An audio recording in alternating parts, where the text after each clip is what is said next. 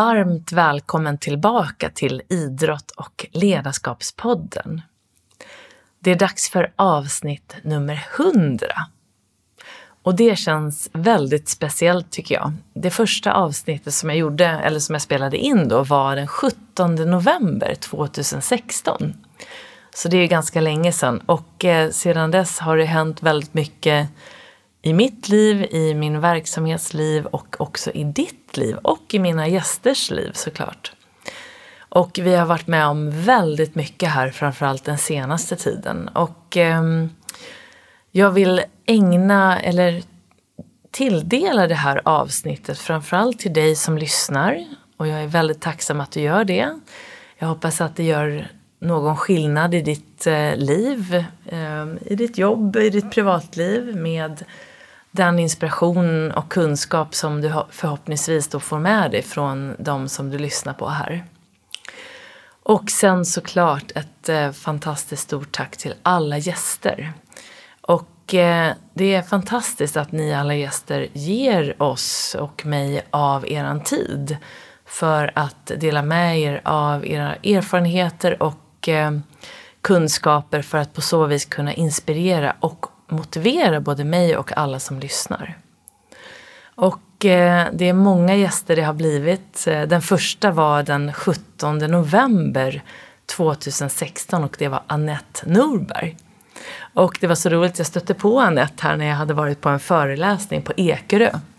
Och eh, om du lyssnar nu Annette så vill jag verkligen tacka dig för att eh, du gav mig av din tid för att vara med här i det första avsnittet. Som vi faktiskt fick spela in för att det första avsnittet blev typ helt... Eh, ja, tekniken funkade inte så att jag fick åka tillbaka och göra om det avsnittet med Anette. så, så kan det gå och när man är ny på något och det var jag verkligen på den tiden med just det här med podd. Och då höll jag på med tekniken själv. Numera så jobbar jag då med Smile Production, production eller Casting by Smile som är helt fantastiska och eh, de flesta avsnitt spelar jag in då hos dem. Så de ska också ha ett stort tack. Men som sagt, alla gäster, fantastiskt stort tack. Och eh, det har blivit många och du som lyssnar har säkerligen hittat din favorit. Och eh, gästerna är ju lite blandade av att handla både om sådana som jobbar med mental träning och coaching och terapi på olika sätt till de som använder sig av mental träning för att lyckas i sina, eh, sina jobb och i sin idrott. Så att podden heter just Idrott och ledarskapspodden handlar ju om att det är dels min egen bakgrund, att jag har varit idrottare eller är idrottare och har varit proffs inom, i, min, i mitt fall så var det ju golf och även ledare då inom näringslivet under många år. Eh, men också för att jag tror att de här områdena är sådana där prestation är väldigt stort och där kan då välmåendet ibland komma av sig lite grann. Så syftet med podden och det är ju då att eh, kunna lära sig förstå hur man kan hitta den här balansen mellan prestation och välmående helt enkelt. Och eh, i, med fokus då på framförallt den mentala träningen. Och därmed är ju Lars-Erik Unestål med flera gånger som då är grundaren av den integrerade mentala träningen ur ett psykologiskt perspektiv som man hade från början, vilket jag är väldigt tacksam för att jag har lärt mig då. Och sen har du då som sagt hittills då 99 avsnitt att välja mellan när, om du vill gå tillbaka och lyssna på någon av de här gästerna. Och eh, förhoppningsvis har du kanske till och med en favorit redan. Så den här säsongen då, det var ju då säsong 12 och då har du fått träffa flera gäster igen. Och eh, det jag var lite nyfiken på nu med tanke på att jag har väldigt många olika gäster med olika bakgrund. Tanken med det är ju då att du ska få lite olika perspektiv kring hur olika personligheter från olika branscher använder sig av då mental träning oavsett om de vet att det är mental träning eller inte då, för att må och fungera bra. Eh, du får lära dig vilka framgångsfaktorer de har och också vad de har lärt sig av sina misstag bland annat. Så det jag undrar är, vad har du fått ut av det här? Vad är det som du känner att du har lärt dig eller vad har du blivit inspirerad från, av eller till? Har det hänt något i ditt liv som du gärna vill dela med dig av? Ehm, jag skulle bli jätteglad om du ville mejla till mig på min mejladress eh, som står här nedan i texten. Eller om du kanske till och med vill skriva några kommentarer här under podden. Och det är väldigt intressant att höra det och också kanske vad du vill lyssna mer av i framtiden. Så redan nu, det här var ju säsong 12 då som börjar gå mot sitt slut, men redan nu så planerar jag för en till säsong till hösten, säsong 13. Så kanske har du någon gäst som du vill lyssna på. Du kanske har något ämne som du vill att jag tar upp. Um, så hör jättegärna av dig med feedback. Det är så otroligt viktigt för utveckling och eh, det kan också leda till att du får lyssna mer utav det du verkligen är intresserad av. Så jag skulle uppskatta verkligen om du gav, tog dig tid och, och skickade in något om du nu har, eh, har något på hjärtat som sagt. Och eh, med det sagt så vill jag också säga att det finns ett avsnitt kvar den här säsongen med en gäst till. Jag ska inte nämna namnet förrän vi har eh, kommit dit. Men eh, det kommer bli ett väldigt spännande avsnitt och det kommer då att avsluta den här säsongen. Så då är det dags att börja med vad det här avsnittet ska innehålla. Och det är ju då avsnitt 100. Och eh, jag har funderat en hel del på vad jag skulle förgylla det här avsnittet med eller vad, vad det skulle innehålla. Jag vill ju väldigt gärna ge dig något som du kan ha nytta av i din vardag ehm, och i ditt jobb såklart, i din idrott. Och det är ganska svårt. Jag har många olika områden som jag tycker att jag kan prata om. Och, eh, men då valde jag helt enkelt att gå på det som har kommit ifrån just er, eller mina elever helt enkelt, mina coachingpersoner. Jag coachar ju både ledare, mammor, pappor, idrottare, ungdomar. Eh, mental träning och coaching är ju egentligen ett brett område och verktygen fungerar för alla. Och min inriktning är ju idrott och ledarskap, men som sagt, det kan ju verkligen bli så att det handlar om att man vill använda det här eller få hjälp i sin egen vardag som förälder eller som eh, i skolan om man tänker ungdomar då. Så det behöver inte alltid vara idrott och ledarskap. Men då upplevde jag att den senaste tiden har jag fått en hel del frågor och funderingar från de jag jobbar med. Och då tänkte jag dela med mig av det. Så det, kan, det blir en liten blandning helt enkelt av eh, sådant som kan dyka upp i ditt jobb um, som ledare, sådant som kan dyka upp hos dig som förälder, hos dig som idrottare, hos dig som golfare.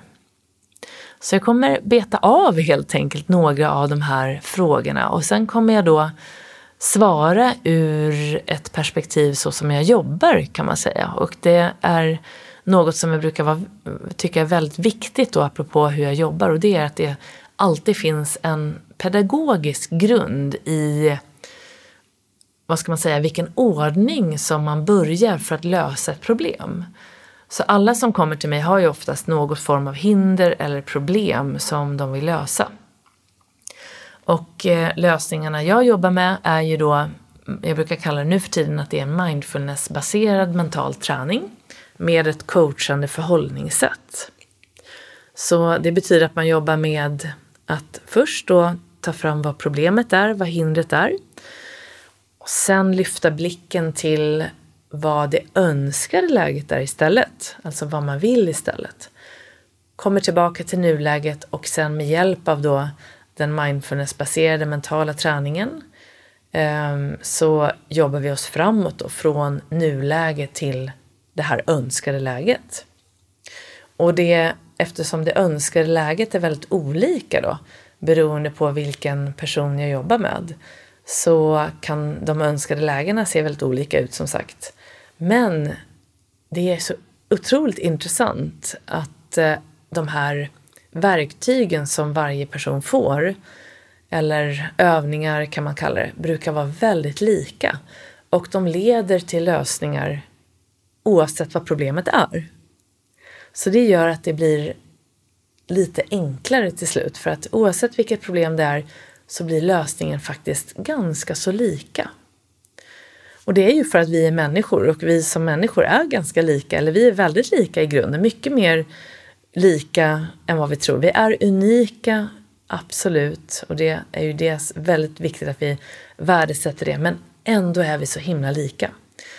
Och jag vet att jag lyssnade på Stina Dabrowski för länge sedan och Stina Dabrowski är en väldigt känd person som är en, jag tror hon är typ Sveriges bästa intervjuare och journalist och hon um, hon fick frågan om vad hon har lärt sig under alla år när hon har träffat så många olika människor. Från liksom Dalai Lama till USAs president som var på den tiden en annan än vad det är nu. Um, till skådespelare. Hon har liksom träffat de mest kända personerna i hela världen. Och hon har också träffat de från olika världar, liksom tredje världen, väst, öst och så vidare. Vad hade hon lärt sig under de här åren? Och det hon svarade, det var att vi människor är så mycket mer lika än vad vi tror. Oavsett om vi är en sultan eller en president eller en uteliggare liksom, eh, någonstans i Indien eller här i Sverige för den delen. Och då, det, det, var väldigt länge sedan jag hörde henne säga det. Det var, jag tror det var säkert runt 20 år, någonting sånt. Och eh, jag tänker på det väldigt mycket idag, att vi är så lika och jag märker det väldigt tydligt oavsett som sagt då vilka problem som, som alla ni eh, personer kommer med. Det kan ha att göra med problem på golfbanan, man har problem med någon som man stör sig på, man har problem med sig själv, med sin nervositet, man har problem när det gäller att eh, våga vinna eller rädslan för att misslyckas. Eller som förälder, som mamma då, som jag själv är också, eh, de föräldrar jag jobbar med, att det handlar om att hur ska jag göra för att liksom klara av stressen? Hur ska jag göra för att kunna klara mitt jobb när jag nu är mamma eller pappa? Eh, hur ska jag göra som ledare när jag märker att personalen inte trivs? Eh, jag är rädd för att förlora jobbet. Ja, ni förstår. Alla olika former av eh, hinder eller problem. Men till slut, lösningen och liksom vägen framåt är faktiskt väldigt, väldigt lika på grund av att vi är så lika.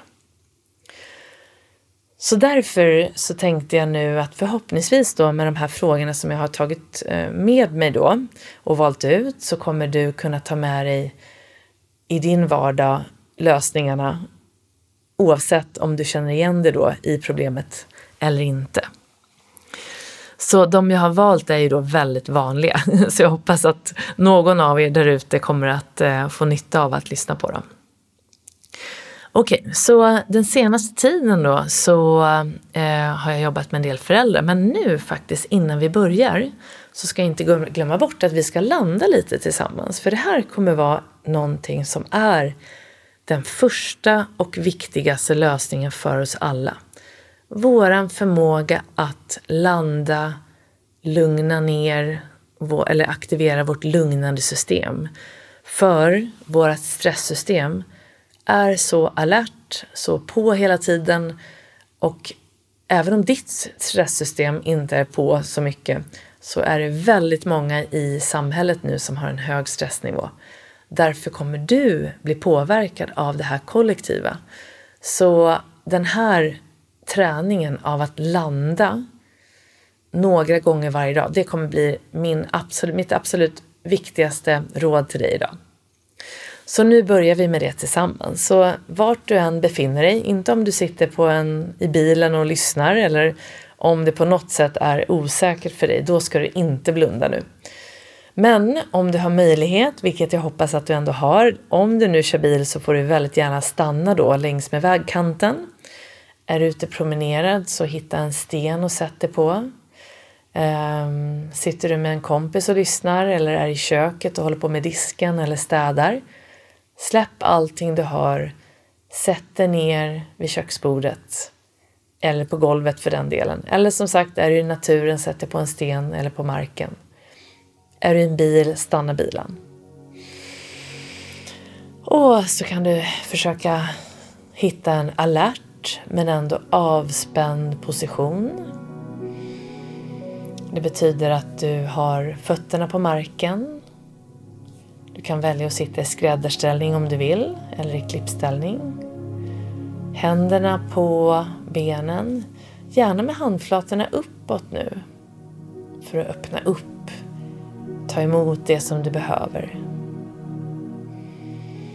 Och som sagt, om du kan nu då så sluter du ögonen och börjar andas in och ut genom näsan.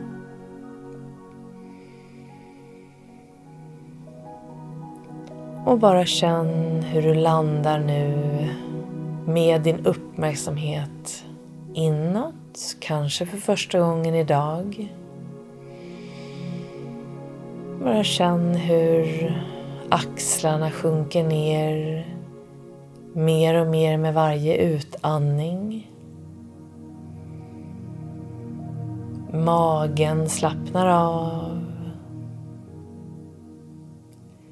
Och ändå har du känslan av att du är alert, så att någon, det är som att någon drar dig uppåt i håret. Så du får en alert hållning. För att få fria andningsvägar.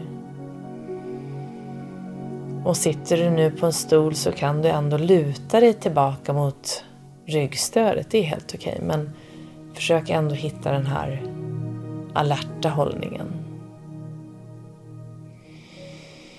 Och så fortsätter du en stund och bara andas in och ut genom näsan.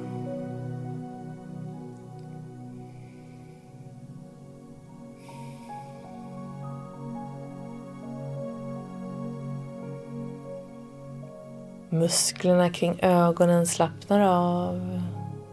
Pannan är slät.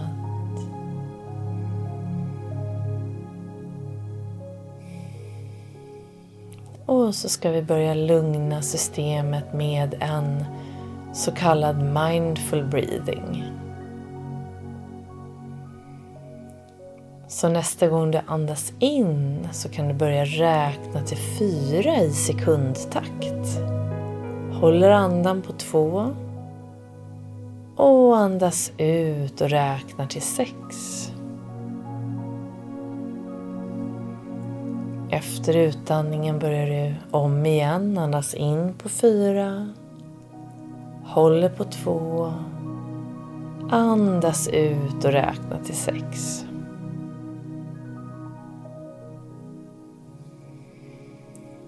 Och så fortsätter du så här på egen hand en stund. Och när den här utandningen då är längre än, utan, än inandningen så aktiverar du det lugnande systemet. Sänker antalet andetag från det normala som är runt 14 till 16 per minut till runt 8 till 10 per minut. Så det bara fortsätter nu en stund. In på fyra, håller på två och andas ut på sex.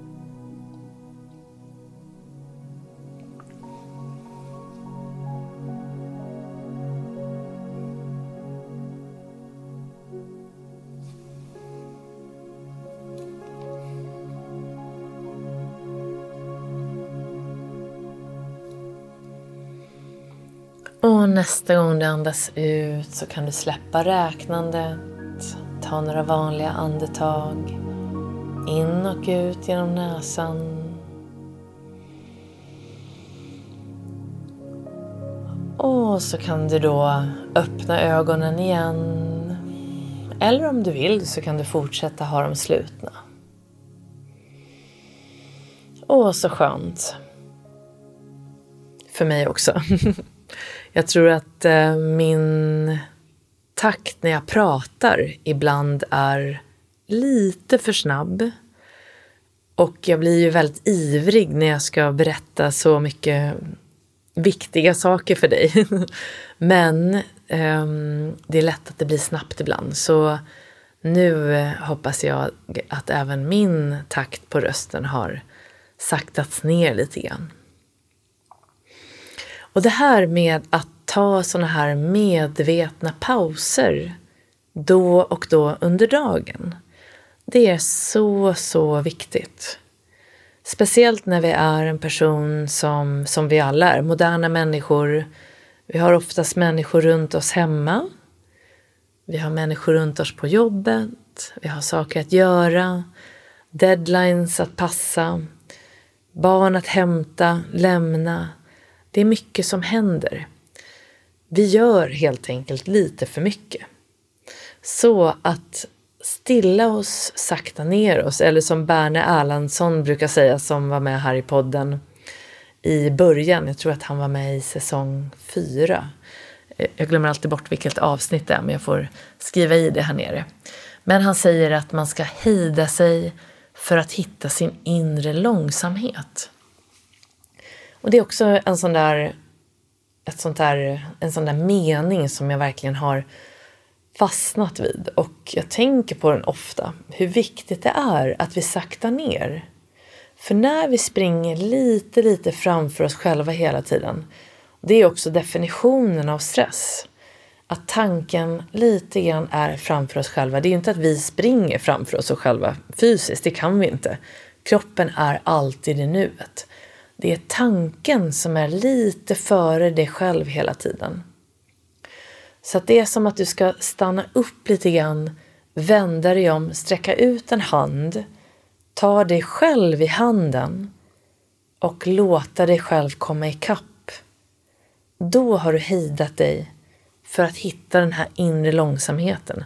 Och det som är så intressant och som jag tror att vi med erfarenhet märker mer och mer, det är att ju långsammare vi blir, eller ju mer stilla vi vi blir, desto mer effektiva, desto mer alerta blir vi. Och därmed börjar du närma dig din absolut fulla potential. Så att vi hindrar oss själva hela tiden genom att vi springer lite före oss själva. Vi tror att det är det som är lösningen för att bli mer effektiva, hinna med mer, um, komma ihåg mer och så vidare.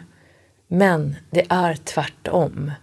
Det är då vi glömmer bort mer, det är då vår kreativitet minskar, det är då vi blir eh, mindre effektiva, det är då vi slarvar, måste göra om saker. Så att hejda oss för att hitta vår inre långsamhet, det är liksom en väldigt, väldigt bra sån här mantra. Så det får du jättegärna ta med dig. Och när du nu lyssnar på det här avsnittet så kommer det ju komma en hel del vad ska man säga, lösningar eller verktyg. Men som man brukar säga, less is more. Så gör du så förhoppningsvis att du skriver ner om det är någonting som du tycker fastnar hos dig. Du kan ju alltid lyssna tillbaka i efterhand. Och sen tar du en sak i taget. Börja med förhoppningsvis den här ordningen som jag pratar om ofta, den här pedagogiken i att först jobba med vår avspänningsträning, den här förmågan att reglera vår spänningsnivå som jag precis pratade om. Sen jobbar vi vidare med självförtroende, självbildsträning. Sen jobbar vi vidare med målbildsträning. Eh, och sen kan vi då hitta olika saker som passar in i de här olika delarna. Du kanske håller på med yoga, en form av avspänningsträning, jättebra. Du kanske jobbar med att läsa en bok om eh, hitta självkänslan. eh, eller hur man jobbar med sin positiva inre dialog på olika sätt. Då passar det in i självbildsträningen. Men den blir ju då bättre när du först har jobbat med avspänningsträningen. Så att börjar du märka att du blir negativ och börjar bli, eh, se hinder och um, du känner att du undrar vad du håller på med och du blir osäker och sådär. Då är det första du alltid gör det att du går tillbaka till det här med avspänningsträningen. Så med det sagt så ska jag faktiskt börja med frågorna som jag hade tänkt ta upp. Okej, så den första är, handlar om att jag har jobbat en hel del med föräldrar på sistone. Föräldrar som är mitt inne i karriären, de har höga positioner i sina yrken. Eh, men de känner att de börjar bli stressade. De får svårt att hantera personalen. Eh, de börjar bry sig för mycket om vad andra tycker. De blir oroliga för att de gör, om de gör ett bra jobb. Och när man är VD eller chef eller ledare på något sätt så är man oftast ganska ensam, tror man i alla fall. Det är väldigt svårt att gå till, man kan ju inte gå till sin personal kanske och prata om sina problem. Det blir lite svårt. Eh, man kanske inte har en chef längre. Det finns ju oftast en styrelse men det är inte alltid man känner sig bekväm med att prata med dem. Så här är det ju väldigt bra att man har en annan person att prata med, som en mentor, en coach, Ibland kan det vara en psykoterapeut, det kan vara ja, någon form av eh, person som du pratar med. Det är väldigt, väldigt bra när du är en ledare. Och om jag skulle ge mig själv ett råd när jag själv var VD och småbarnsmamma så hade ju jag egentligen en coach och eh, jag hade en rosenterapeut men jag slutade gå till dem under den här perioden. För att jag tänkte att jag har inte tid med det. Så apropå att eh, göra alla, jag har ju typ gjort alla misstag som jag hör från mina elever och det är just därför också som jag kan förhoppningsvis hjälpa dem för att jag förstår hur lätt det är att gå i de här fällorna. Så att man slutar göra det som man vet är bra för en när man blir stressad. Och det var det jag började bli mot i alla fall framförallt slutet på min vd-period. Så att ha en person att prata med är jätteviktigt. Um, och därför får jag då höra de här typen av uh, funderingar. Och uh, du som lyssnar, om du är nu ledare, chef, VD, så kom ihåg att du inte är ensam. Jag hör samma saker från alla som är ledare som kommer till mig. Och jag känner igen det här för att jag hade exakt samma problem och funderingar när jag jobbade som VD och även innan barnen när jag jobbade som marknadschef. Um, så det är extremt vanligt och därför så tror jag att det är viktigt att vi börjar prata om det. Och uh, det gör vi ju också på många sätt och vis tycker jag, ändå i samhället idag.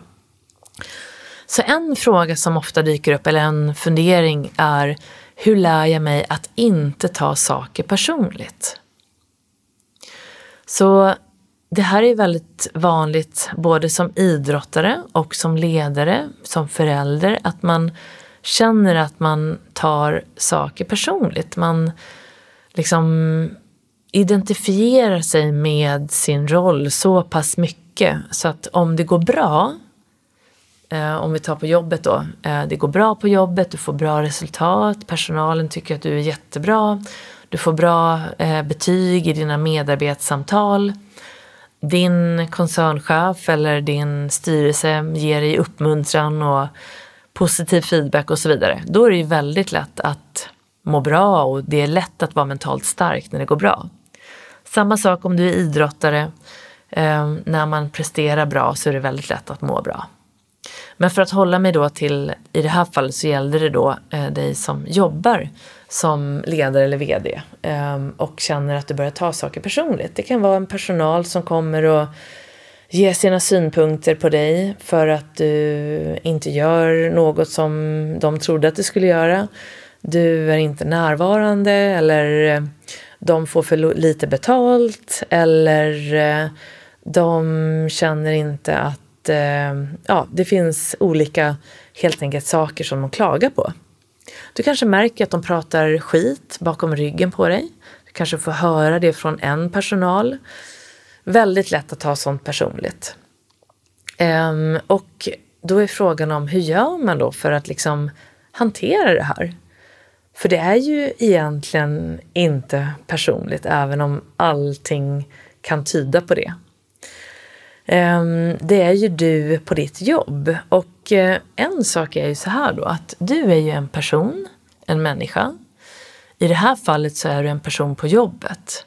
De ser ju dig på ett sätt som du är på jobbet och du är ju samma person sen som går hem, går ifrån jobbet. Du kanske går till gymmet eller du kanske går och spelar golf. Då är du fortfarande dig själv men du är liksom i en annan roll. Sen kommer du hem och du är förälder, du är fortfarande samma person men du har en annan roll. Så att vi är liksom samma person såklart, men i olika roller. Så de personerna på jobbet ser ju inte hela dig.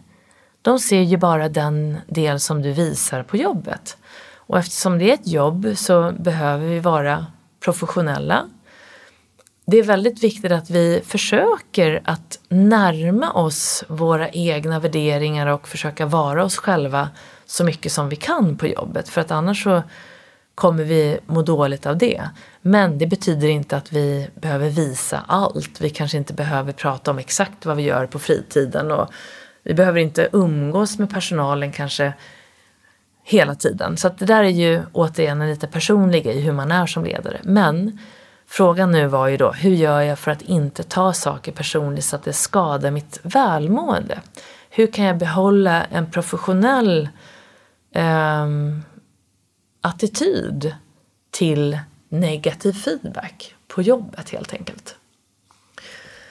Så det här är ju någonting som krävs lite träning, precis som allting. Och om vi tar det ur det mentala träningsperspektivet med det här med mindfulness, närvaroträningen som en inriktning också då som jag jobbar med.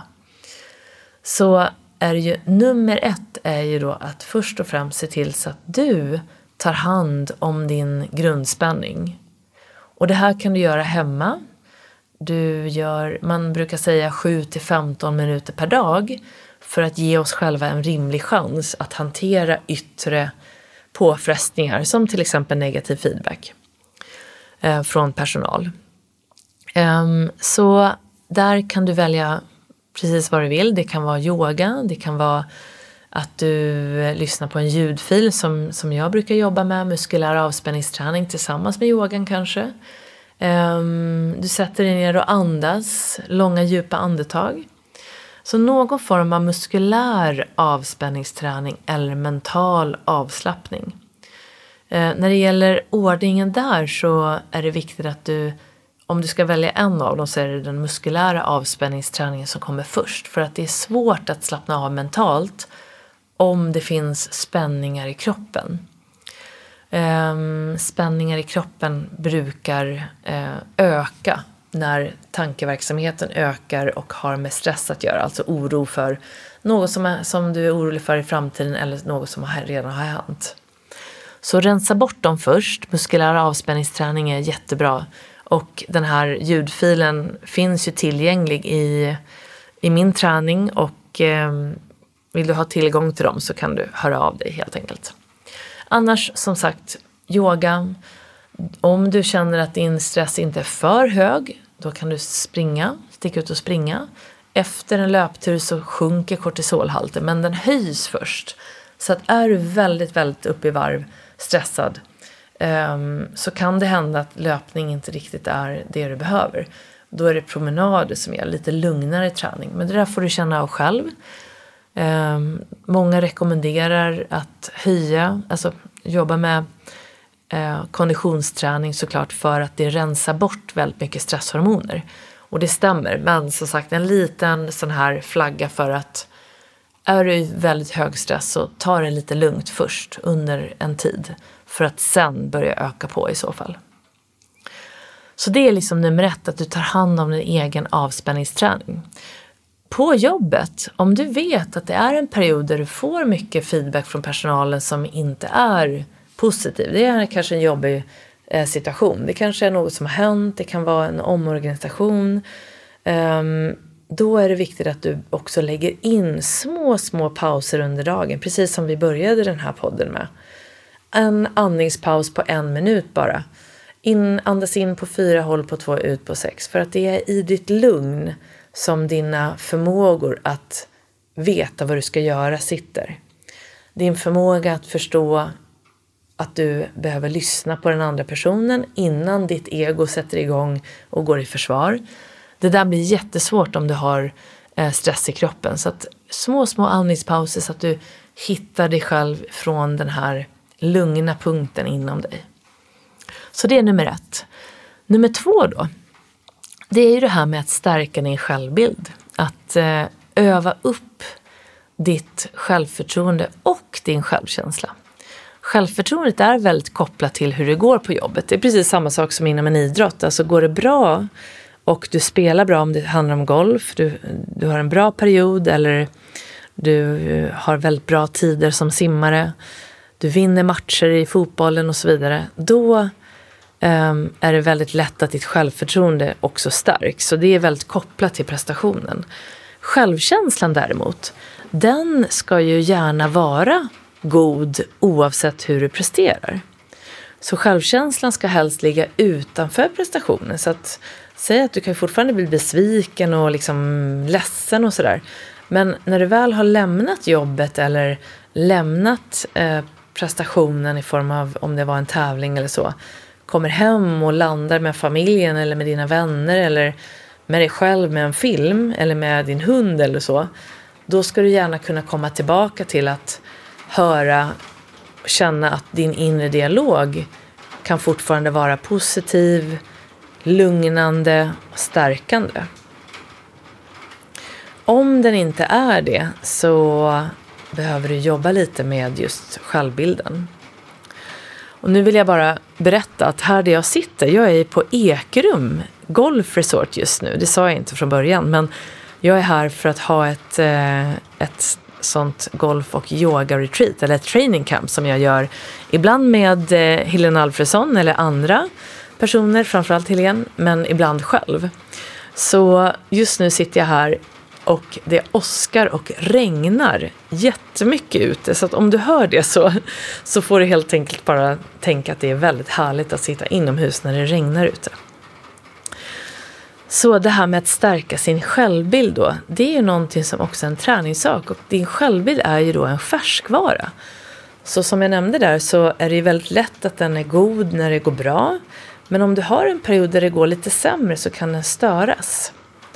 Och då, om du vill gå lite djupare i det så kan jag verkligen rekommendera det här avsnittet i den här podden som är avsnitt eh, 53. Det kan vara 54 men jag tror att det är 53 som handlar om självbilden där jag går igenom alla mina övningar från min bok Stolt, stark och säker. Det är nio övningar som du gör i den ordningen.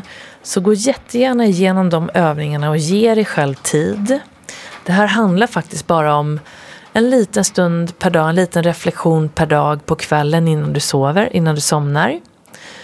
Och sen följer de här övningarna så kan du göra dem lite grann i perioder kanske på jobbet när, det, när du känner att du behöver det.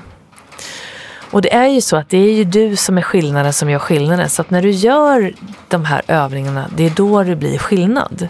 Och till slut så kommer du hitta de eller ditt recept. Så att du behöver inte alltid göra alla övningar. Det kanske räcker med att du börjar med den första. Och jag tänkte nämna den första här eftersom den är den absolut viktigaste och som gör väldigt stor skillnad. Den är enkel men gör väldigt stor skillnad. Och, och det är att du avslutar varje dag med att skriva i din lilla bok och du kan kalla den Bra-boken. Och där skriver du ner tre saker som du faktiskt har gjort bra under dagen och nu kan du då koppla det till jobbet. Om det är där du känner att du har lite problem just nu. Tre saker som du har gjort bra, som du är stolt över och varför du tycker det.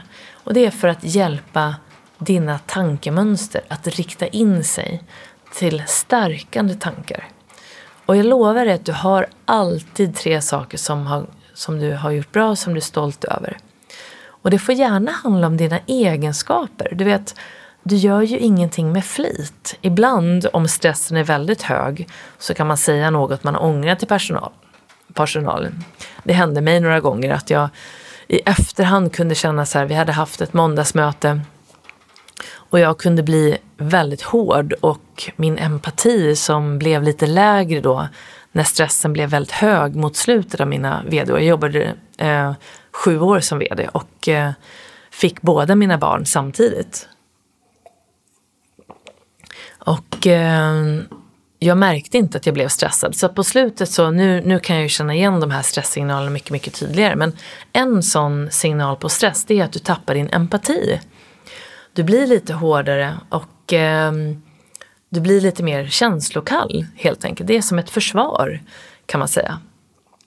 Så jag kunde ibland säga saker som var väldigt hårda till personalen och tyckte liksom att de kunde göra ett bättre jobb och eh, vi fick in förfrågningar som jag inte tyckte att de gjorde tillräckligt snabbt och sådär. Um, så det kunde jag ju ångra då i efterhand. Oh, varför sa jag det där? Och självklart så är det där någonting som du också ska ta hand om, göra om, göra rätt. Men på kvällen av en söndag så börjar du med att skriva i bra-boken. Tre saker som du ändå har gjort bra den dagen. Även om all din uppmärksamhet ligger på att du, eh, du eh, fokuserar på det du gjorde fel så ska du ändå rikta den till vad gjorde du bra? Vad var du stolt över? Kommer du inte på något så skriver du att du åt, du gick upp ur sängen på morgonen, du kanske sa hej till någon, du eh, drack vatten och du åt som sagt någonting. Det är väldigt bra saker. Så att, hittar du ingenting så får du ta sådana väldigt grundläggande saker. Och nummer två då, då skriver du ner tre saker du är tacksam för. Och då kan det vara att du lyfter blicken och tittar på vad är det jag är tacksam för. Um, det kan vara din familj, det kan vara din hälsa, att du har någonstans att bo. Från det lilla till det stora. Ibland är det samma saker varje dag och det är helt okej. Okay. Sen då nummer tre. Tre saker som du behöver hjälp med. Om det då är en dag där du känner att du fick negativ feedback från personalen, du kanske sa något du ångrade, då kan du skriva där jag behöver hjälp med att behålla lugnet när jag får kritik. Jag behöver hjälp med att förstå att jag fortfarande är bra som person även när jag, gör, när jag får negativ kritik eller även när jag gör något jag ångrar. Jag behöver hjälp med att ta mina andningspauser under dagen. Eller jag behöver hjälp med att ge min personal positiv feedback. Även om de har gett mig negativ feedback. Det här är stora saker, det krävs mod, men med träning så lovar jag dig, bara att skriva ner det här som du känner att du behöver hjälp med kommer att hjälpa. Och sen den, eh, så det, det, här är ju en sak som kan hjälpa också då. Eh, först avspänningsträningen, glöm inte bort den. Börja jobba med självbilden. Kom ihåg att det är en färskvara. Och sen nummer tre, an, en lite mer quick fix då på dagen. Och det är att använda den här absolut mest användbara modell som jag någonsin har lärt mig. Den här kommer från min mindfulnessutbildning som jag gick för några år sedan. Och den heter S-O-A-S och sen kommer ett A. Och när jag lärde mig den här då kommer A inom parentes. Och då står, de här bokstäverna står för stanna upp, observera, acceptera, släpp taget och sen A står för agera då. Och eh, tanken är ju då att du gör det här när du lägger märke till att du blir triggad av någonting. Du märker att spänningarna kommer upp, du börjar känna den där kanske ilskan inom dig som att du vill gå i försvar för att du får negativ kritik. Eller tvärtom, du blir ledsen och är på väg att börja gråta. Um, du vill bara liksom säga att alla är dumma i huvudet. Eller ja, du vet, det kommer signaler, någonting händer. Då använder du den här, du stannar upp, observerar hur du känner inom dig. Accepterar allt du känner. Nu känner jag mig arg. Nu känner jag mig ledsen. Nu blir jag sårad. Jag känner mig eh, rädd för att förlora jobbet eller rädd för att jag gör ett dåligt jobb eller vad det kan vara. Du accepterar allting fullt ut. Sen går det till S som är släpp taget. Då släpper du taget om allting du inte kan påverka. Och om du inte förstår just då om det här är något som du kan påverka eller inte kan påverka, då andas du. Och så försöker du bara fokusera på andningen samtidigt som du då riktar in dig på vad den här personen säger. För att sen gå till A. Och när jag lärde mig det här så står det för agera och tanken är ju då att om du inte, om det är något som du kan påverka, då går det till agera och då kanske du säger något som har med att du behöver stå upp för dig själv. Det kanske är något som du behöver berätta för den här personen, hur du tänkte.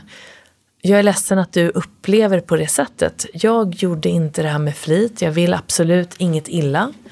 Jag var stressad när jag sa det här. Jag ber verkligen om ursäkt. Det är ju ett sätt att agera. Eh, ett annat sätt att agera är att fråga. Skulle du kunna vara lite mer specifik med din kritik? Jag förstår inte exakt vad den betyder för jag vill verkligen förändras och göra ett bra jobb och utvecklas. Och som ni hör, det här är väldigt svårt om du nu är väldigt arg och känner att ditt ego liksom har blivit sårat. Så kom ihåg att det är träning. Men när du har tränat på det här tillräckligt då kommer det här gå som ett rinnande vatten.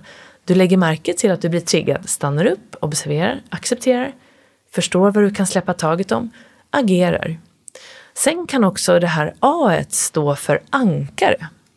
Så att om du nu märker att det som händer är något som du inte kan påverka, det är liksom eh, det har med den andra personen att göra. Du, du vet att du har gjort ditt bästa och du behöver bara lyssna. Du behöver inte göra någonting, du behöver bara lyssna och inte agera. Då kan ankaret vara att du kommer tillbaka till nuet på något sätt.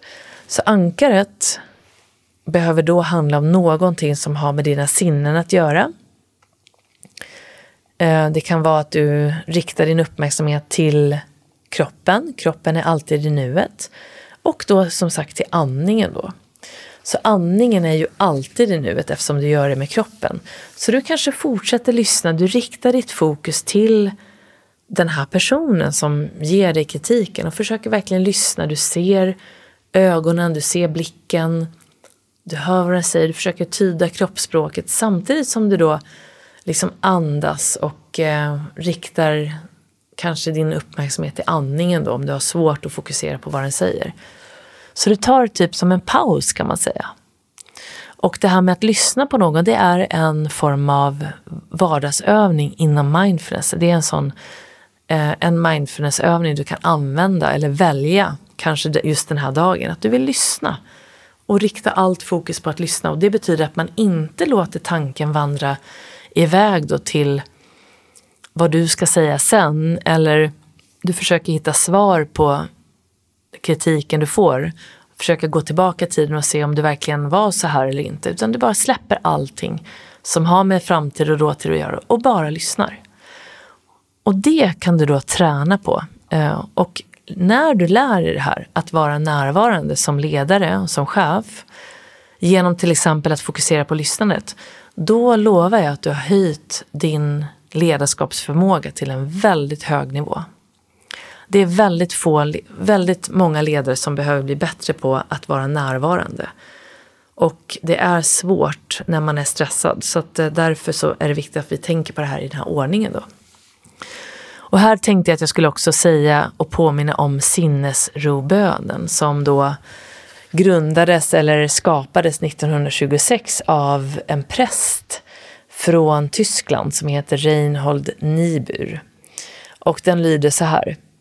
Först är det egentligen Gud, ge mig sinnesro, men jag brukar tänka bara eh, utan Gud innan.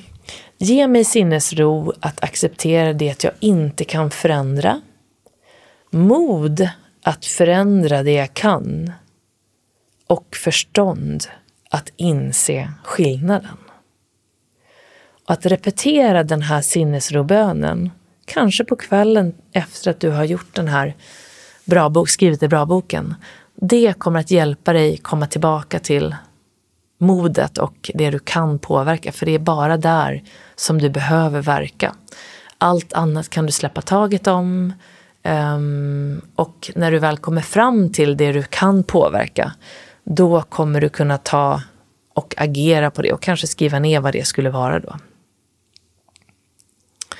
Um, så det där var en lång förklaring till hur gör jag för att lära mig att inte ta saker personligt? Men jag hoppas att du fick med dig en del utav det. Och eh, när det gäller fler frågor då, så brukar jag också få en fråga om hur jag gör för att hantera min nervositet. Och det kan ju vara på jobbet, du kanske har fått eh, reda på att du ska ha ett lönesamtal. Du kanske har reda på, fått reda på att du har fått, blivit inkallad till chefen som vill träffa dig. Du kanske ska spela en golfrunda med några kompisar och eh, det kanske är första gången i år. Eller du kanske ska tävla, det kanske är en, eh, någonting som gör att du blir nervös helt enkelt. Och här vill jag nu vända mig till min egen bok faktiskt. Och den här boken skrev jag ju då 2018, det var två år efter att jag startade podden. Så det, det är ganska spännande faktiskt att eh, boken på något sätt utvecklades samtidigt som jag höll den här podden igång. Och eh, här har jag då tagit upp lite olika avsnitt tidigare om bland annat nervositet. Men jag tänkte jag skulle gå tillbaka här och nämna just de här punkterna som jag tog upp för att hjälpa dig då hantera din nervositet. Så en sak som, som kan vara bra att nämna här det är ju att nervositet är ju bra. Det är ju kroppens sätt att förbereda sig för prestation, för att prestera. Men om nervositeten går över till rädsla, då börjar ditt stresssystem bli väldigt aktivt och kroppen gör sig redo för att försvara dig, springa därifrån, strida eller spela död. Och då blir det väldigt svårt att liksom agera klokt. Så därför så, om du nu känner att det är rädsla det handlar om, då tycker jag att du går tillbaka till avsnittet i den här säsongen som handlar om hur du hanterar dina rädslor.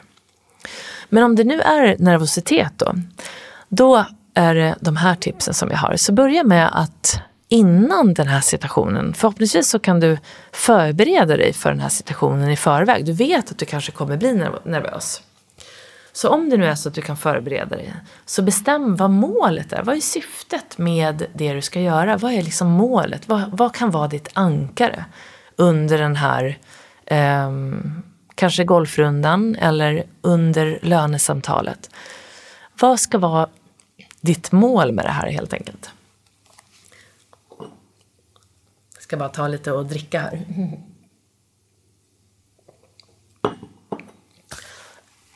Um, så vad ska målet vara? Vad är ditt syfte? Um, så du kan liksom föreställa dig situationen som du känner att du skulle kunna bli nervös för. Och så bestämmer du för vad syftet är, vad målet är. Och sen innan då så lägger du ner lite tid på avspänningsträning. Du kan lyssna på ljudfilen, göra lite yoga, se till så att grundspänningen är låg, du blir av med spänningar. Och sen när du väl börjar närma dig den här själva händelsen då, då kan du ta med dig kanske en quick fix som du känner att du kan göra under den här prestationen.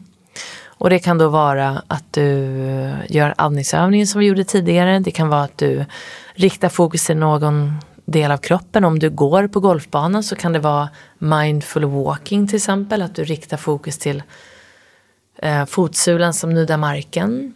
Och det kan vara att du riktar uppmärksamheten till chefen, till vad han säger så att du blir väldigt närvarande helt enkelt. Och en bra sak att göra också innan här det är att du balanserar vänster och höger hjärnhalva för att bli lugn.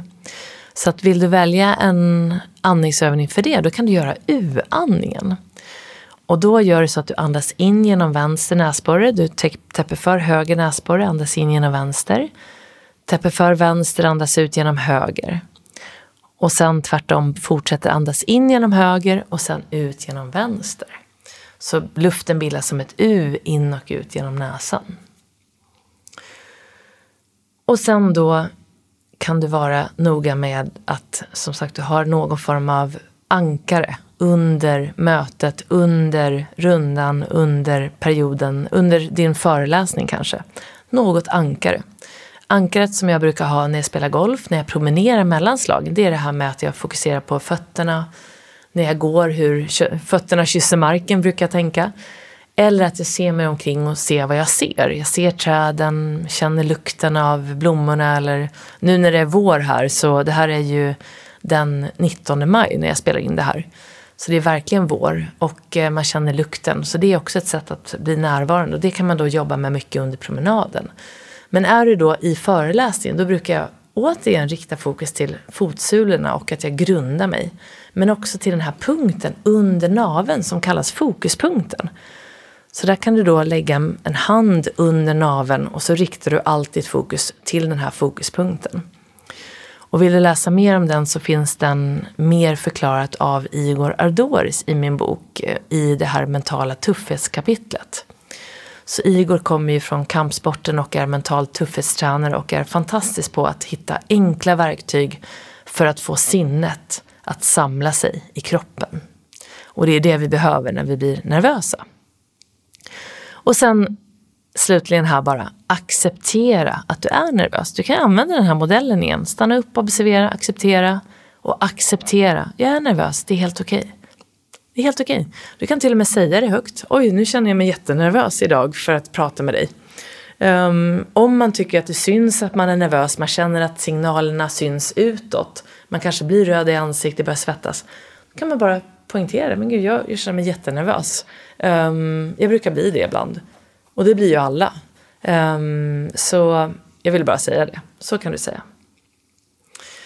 Så där är några tips och vill du läsa mer om det så finns det på sidan 248 i min bok då, Stolt, stark och säker. Och sen brukar jag också få den här frågan, kan man verkligen jobba som chef, ledare, när man, och samtidigt då behålla välmåendet och är man förälder då, för att återgå till det, vara en bra mamma eller pappa? Går det eller behöver jag liksom sakta ner jobbet under en period och jobba mer deltid? Um, det, det är frågan som jag ofta får. Går det här verkligen? Och jag brukar se tillbaka på min tid när jag hade ett högt, eh, ett högt ansvar på jobbet och samtidigt så blev jag mamma. Alltså jag, jag fick verkligen barn under den här perioden. Och eh, det är klart, då är man ju mammaledig. Vi i Sverige har ju en stor fördel till att vi har med verkligen möjlighet att vara mammaledig. Och jag har också turen att jag har en man som är en väldigt närvarande pappa. Han hade också eh, pappaledighet lika länge som jag. Så den här situationen som vi har hemma kommer absolut att påverka svaret på den frågan. Alla har inte möjligheten att gå ner på deltid. Man måste jobba fulltid. Alla har inte en man eller en fru som är lika delaktig i föräldraskapet. Då blir förutsättningarna svårare. Om vi ska vara själva att ta hand om vårt föräldraskap och samtidigt jobba på heltid, då blir det svårt.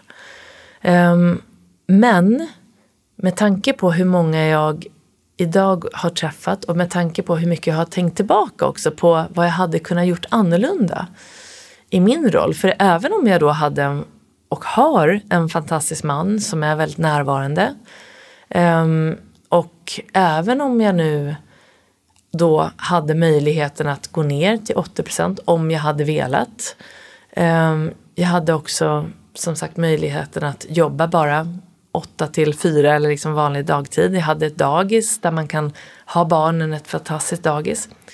Trots det så blev jag ändå till slut stressad för att jag jobbade för hårt helt enkelt. Så med tanke på, på det då, se tillbaka till det och med tanke på flera ledare som jag har träffat. Bland annat Ann Helenius som är trebarnsmamma och som eh, blev lämnad av sin man mitt uppe i sin liksom verkligen, vad ska man säga, när barnen fortfarande var små, hon, hon nämner det här i podden när hon var med här, Ann Helenius, kan ni gärna lyssna på. En otroligt fantastisk människa, eh, fantastisk mamma på alla sätt och vis och en fantastisk vän, en otrolig ledare, en förebild verkligen. Hon nämnde att i den här krissituationen där hon blev ensam mamma Um, hur hon hittade de här små, små stunderna av närvaro. Det kunde vara när hon duschade. Även om hon duschade kanske i några minuter bara för att hon inte hade tid längre så gjorde hon det i full närvaro. Um, det betyder att hon, och det här är då ett tips till dig också, för det här ingår också i den här närvaroträningen. Att när du väl duschar, att du verkligen känner lukten av tvålen, du känner vattnet, hur du gör det ren. Du verkligen riktar allt fokus till det du gör.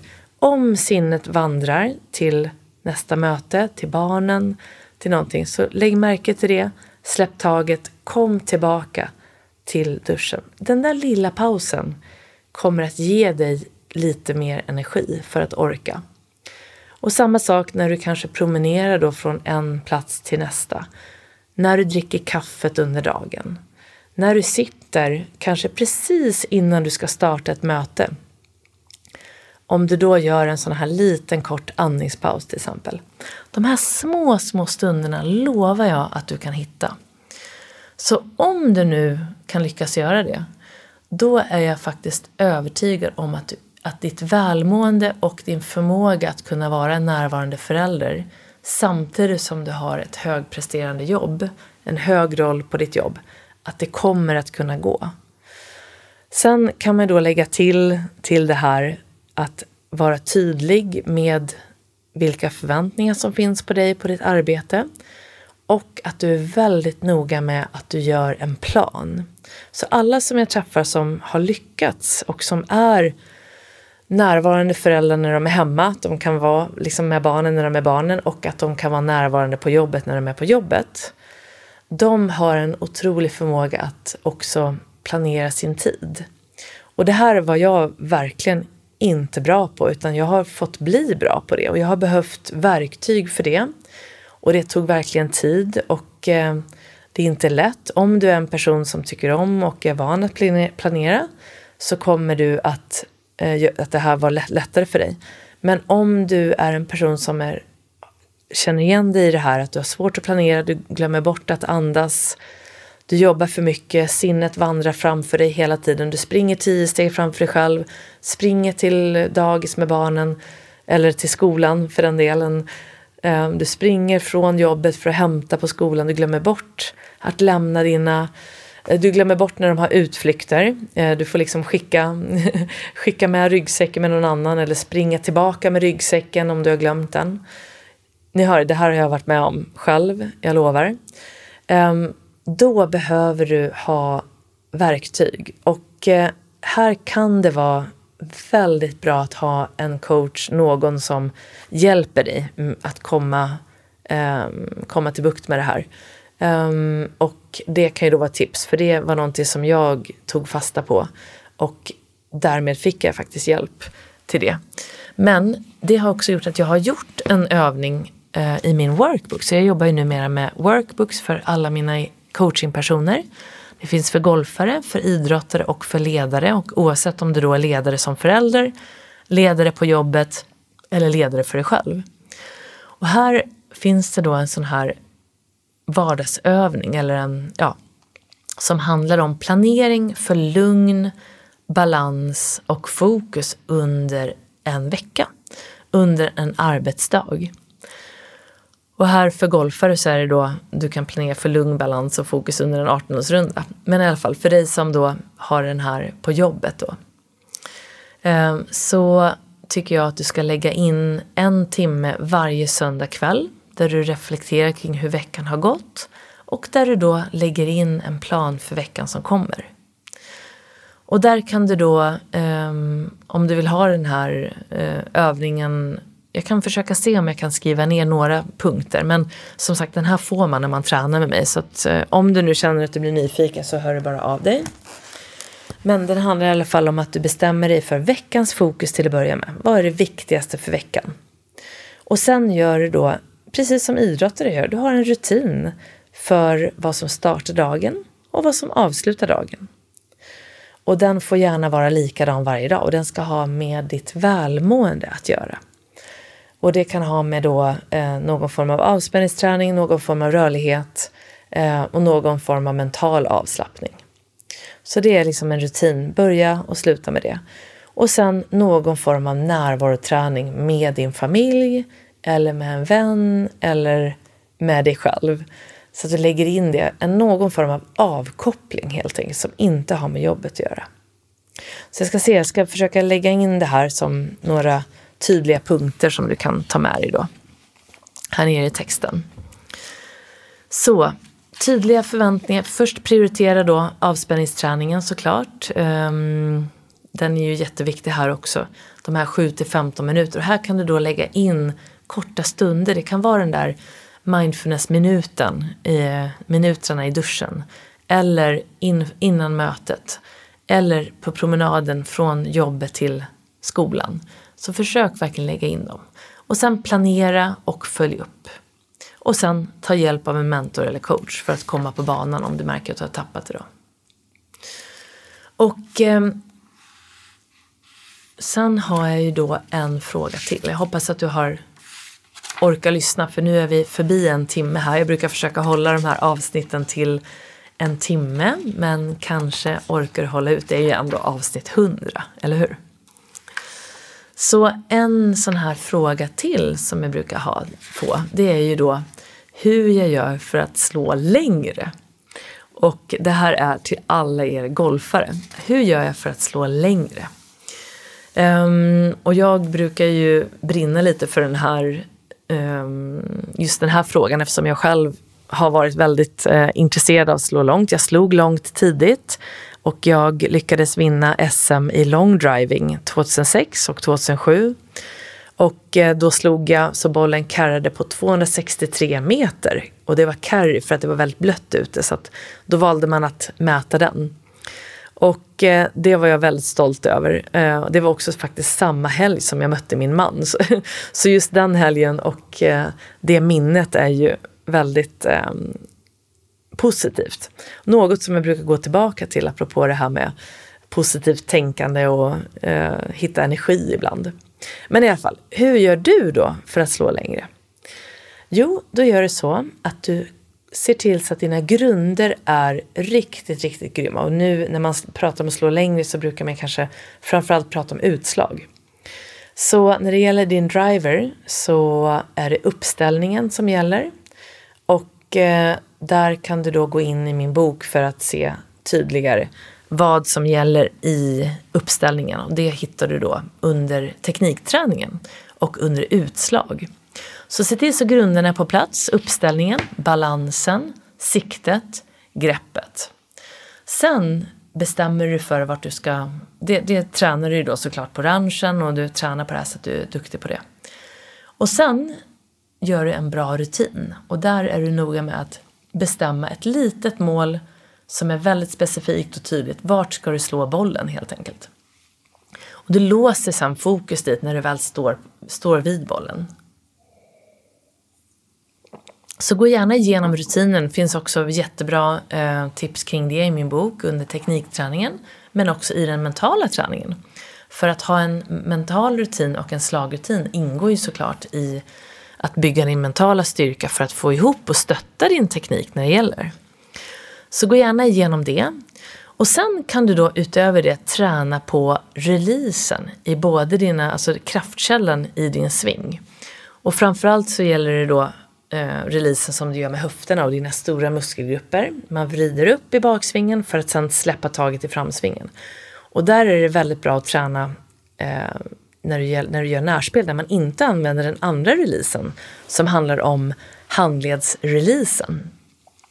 Ehm, så när det gäller releasen så finns det två alltså. Så du börjar med att få igång höfterna och här finns det också en övning i boken för det.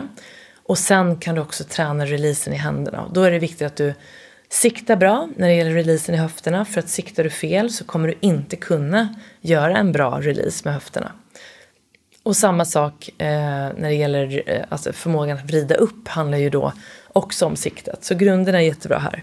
Och när det gäller releasen i händerna och handleder och underarmar då så kommer greppet påverka mycket. Så kolla greppet där så att du kan göra den.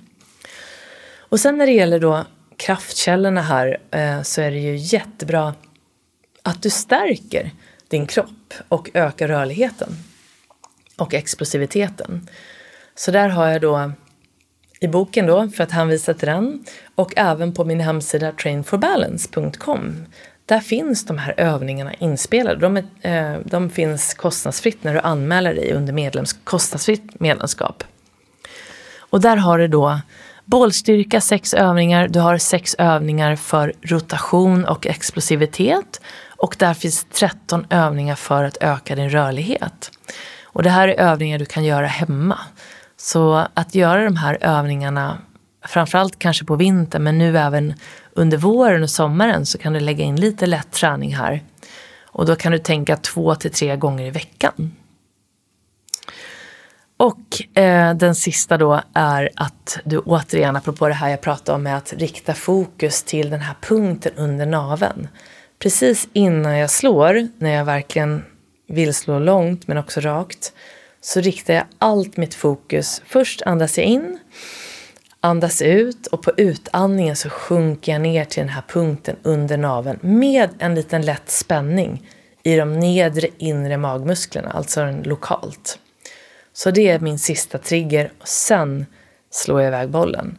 Och här brukar jag få frågan, men har du inte fokus på målet samtidigt? Ja, det är en liten koordinationsträning och en liten fråga om när du gör vad. Men jag brukar tänka att man väljer ju målet när man står bakom bollen. Ett specifikt mål. Och sen går jag fram till bollen, gör min rutin, ställer upp mig, tittar upp på målet, tittar tillbaka på bollen. Och sen tar jag ett djupt andetag, andas in, andas ut, går ner i fokuspunkten. Och här har jag nu låst mitt fokus som att jag har ett tredje öga i min tinning, i den vänstra tinningen. Så att jag tittar på bollen men jag ser målet. Så att det sista jag gör, andas in, andas ut, ner i fokuspunkten, ser målet, sen slår jag. Så att det där är lite intressant hur du gör det här, men du kan testa det på ranchen och se i vilken ordning du gör det. Och så får du gärna höra av dig om du har frågor. Och som sagt, var inte vad ska man säga, det här med att lägga in lite teori till din praktik, det är inte helt fel. Så att min bok är ganska enkel. Det är mycket bilder, mycket övningar. Så du kan gå tillbaka till olika delar där då och då för att läsa lite kanske om greppet, läsa lite om rutinen. Så du har liksom dina olika små doser från boken för att verkligen påminna dig om varför det här är viktigt. Så att jag har gjort boken också, försökt göra den väldigt pedagogisk. Så att teknikträningen ligger i en pedagogisk ordning, fysträningen ligger i en pedagogisk ordning och även mentala träningen ligger i en pedagogisk ordning där man jobbar från grunden. Alltså börja med grunderna och gå vidare därifrån.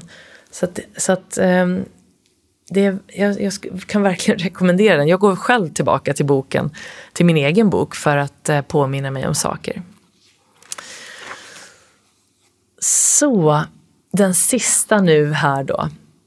Jag har lätt för att bli arg. Det var en fråga som faktiskt dök upp här senast i den här veckan, faktiskt bara för några dagar sedan. Och i det här fallet så gällde det just eh, på jobbet och eh, det kan ju lika gärna vara att man blir arg på sig själv på banan för att man slår ett dåligt slag.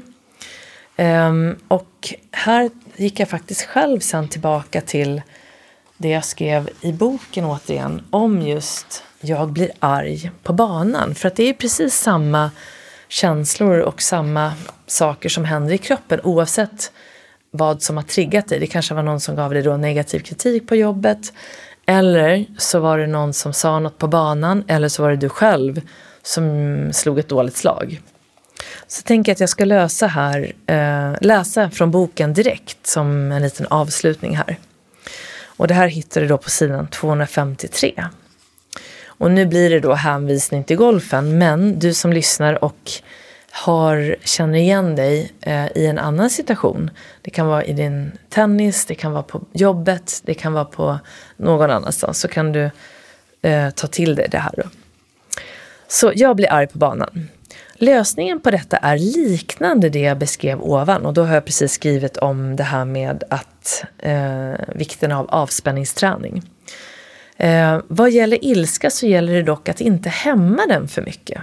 Ilska har ju då, är ju då nervositet som har övergått till, eh, till rädsla kan man säga och det är en väldigt stark känsla. Så ilskan, bakom ilskan brukar rädsla gömma sig. Så att, att hantera ilska är egentligen som att hantera rädsla. Men det gäller då att inte hämma den, den måste kanske ut på något sätt. Så de känslor som ilskan skapar behöver komma ut på något sätt. Så om du har lätt för att bli arg så kan du i förebyggande syfte köra ett tufft träningspass innan din runda. Och nu vill jag också flagga då för det här med om du känner dig eh, väldigt, att du har väldigt hög stress och att den här ilskan handlar mycket om till dig själv så kanske det ska vara en rask promenad och inte en löprunda. Men om du nu känner att du vill ut och springa och att det här känns rätt för dig, då är det väldigt, väldigt bra. Men du kör i alla fall ett tufft träningspass innan din runda eller innan jobbet. Och det kan vara ett starkt fyspass eller att du sticker ut och springer som sagt. Någonting som du blir svettig av och där du känner att din puls går upp eh, minst på 75 av maxpuls. Så det kan vara att du sticker ut och springer och avslutar då med nedvarvningspasset som jag har gjort och som du också hittar i boken. Då. Eller med att du lägger dig ner och bara andas långa djupa andetag. Så du sticker ut och springer eller kör ett tufft träningspass efterföljt av att du då slappnar av och tar emot den här återhämtningen. De här, den här, du vet när stresshormonerna bara sjunker. Du bara ligger och tar emot det. Då blir du av med lite adrenalin och kortisolnivån sjunker efter ditt träningspass. Du blir då lugnare på banan eller på jobbet. Ett tips är också att ta bort dina förväntningar innan du ställer dig på första tid. Eller då innan du går till jobbet. Jobba här med mindfulness och jobba med att vara medvetet närvarande. Välj ett mentalt mål med rundan eller med dagen på jobbet som har med ditt lugn att göra och gå igenom målet dagen eller dagarna innan. Så att om du nu känner igen att du kan bli arg i en viss situation så kan du förbereda dig genom att välja någonting som du vill fokusera på istället. Och det får gärna då ha med ditt lugn att göra. Eh, och när det gäller då att jobba med mindfulness har vi redan gått igenom det, att du väljer någon av de här stunderna som du ändå gör. Det kan vara när du dricker kaffet på morgonen eller när du eh, går till jobbet eller liknande. Och jobba med några avspänningsövningar som du hittar på sidan 180-190 eller du hittar dem här i podden i tidigare avsnitt och på min Instagramkonto som heter snabela Jenny Hagman hittar du också jättemycket tips som jag försöker lägga upp då och då om vad du kan göra när det gäller avspänningsträning. Och sen då jobba med din självbild. Och i boken är det på sidan 196 till 200. Och jag nämnde ju här tidigare att det finns ett helt avsnitt med det också i min podd. I den här podden. Så att du blir din bästa vän. Eller att du i alla fall har din bästa vän på axeln när du spelar eller på jobbet.